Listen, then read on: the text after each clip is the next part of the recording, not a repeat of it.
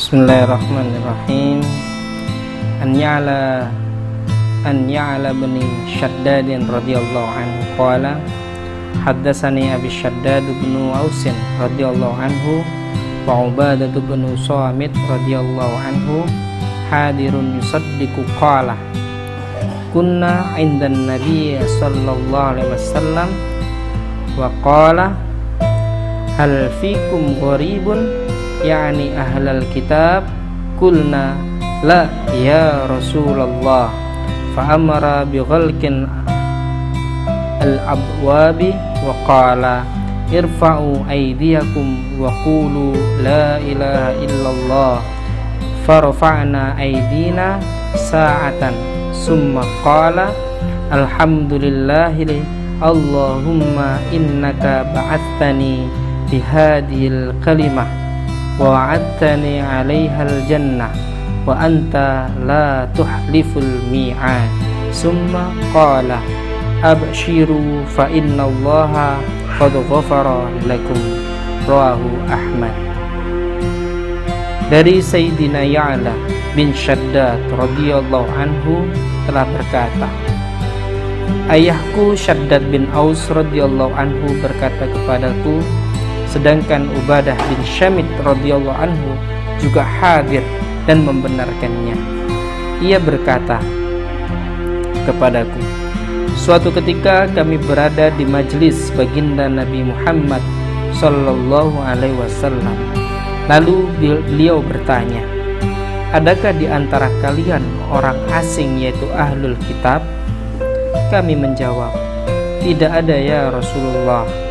Lalu beliau menyuruh kami menutup pintu-pintu dan bersabda, Angkatlah tangan kalian dan ucapkanlah La ilaha illallah. Kami pun dengan segera mengangkat tangan-tangan kami dan mengucapkannya. Lalu beliau bersabda, Alhamdulillah, ya Allah, sesungguhnya engkau mengutusku dengan membawa kalimah ini dan engkau telah menjanjikan surga dengan kalimat ini dan engkau tidak akan mengingkari janji. Lalu beliau bersabda, bergembiralah bahwa Allah Subhanahu wa taala telah mengampuni dosa-dosa kalian. Hadis diriwayatkan oleh Imam Ahmad dan Tabrani. Maksud dari hadis di atas adalah Baginda Shallallahu Alaihi Wasallam memberikan sebuah pertanyaan apakah di antara kalian ada orang asing dengan maksud beliau menyuruh kepada para sahabat-sahabatnya untuk mengangkat tangan serta menutup pintu adalah karena beliau ingin memberikan kabar gembira yaitu ampunan bagi orang-orang yang mengucapkan kalimat thayyibah. Sedangkan orang-orang kafir sama sekali tidak akan mendapatkan ampunan dan kabar gembira kabar gembira yang disampaikan oleh baginda Nabi Muhammad SAW.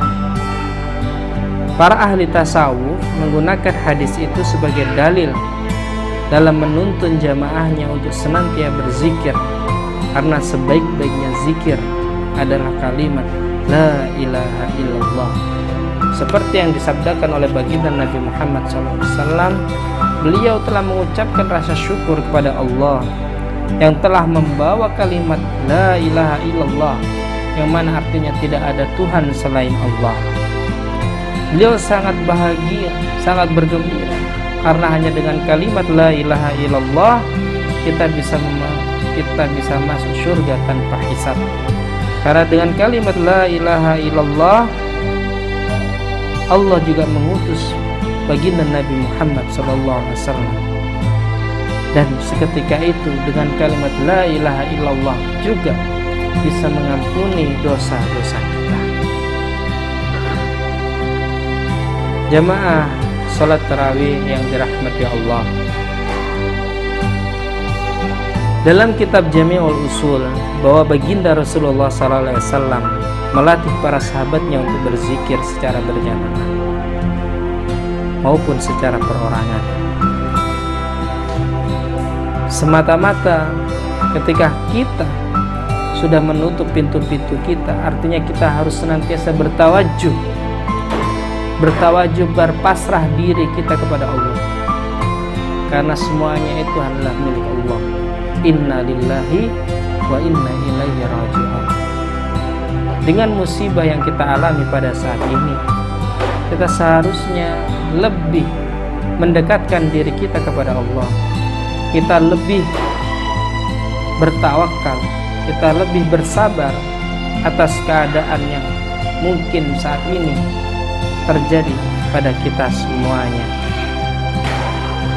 Meskipun konsentrasi baginda Rasulullah SAW akan terganggu dengan kehadiran orang asing, kemungkinan para sahabatlah yang akan berpecah konsentrasinya jika ada orang non-muslim di majelis itu menurut hadis yang disebutkan oleh baginda Nabi Muhammad SAW.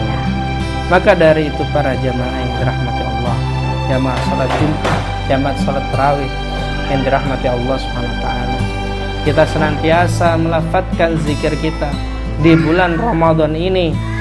Kita gunakan waktu sebaik-baiknya hanya untuk berzikir kepada Allah dan memperbanyak mengucapkan dan melafatkan zikir berupa kalimat la ilaha illallah la ilaha illallah la ilaha illallah. Itu saja para yang bisa kami sampaikan. Sekian, Assalamualaikum warahmatullahi wabarakatuh.